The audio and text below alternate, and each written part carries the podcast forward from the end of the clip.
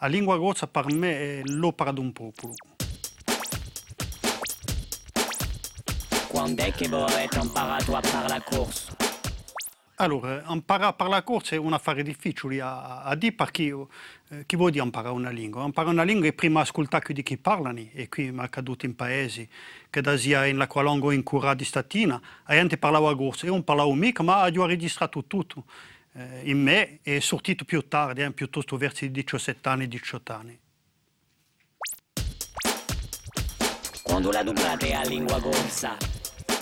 Allora, è un po' particolare perché la do prendo il mestiere, posto che so capire progetto UCRDP e la do adoprato per parlare ai cittadini in scuole e poi la do in paesi più che francese di radio.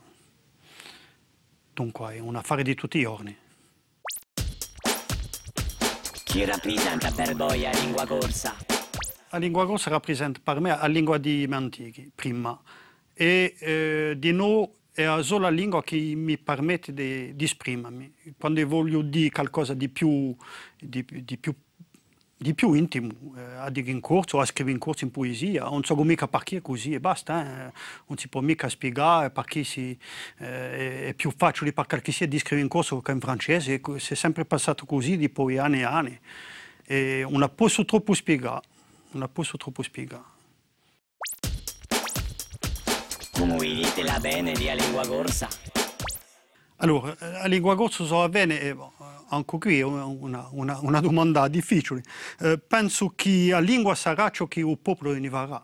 Eh, Edo che l'ha fatto, Edo che l'ha fatto secoli a secoli. Eh, eh dunque, se il popolo decide di, di mantenere la lingua, eh, beh, sarà inutile, se decide di parlare un'altra lingua, cambierà. Se è passato sotto i romani, si sono messi a parlare latino e non la parlavano mica.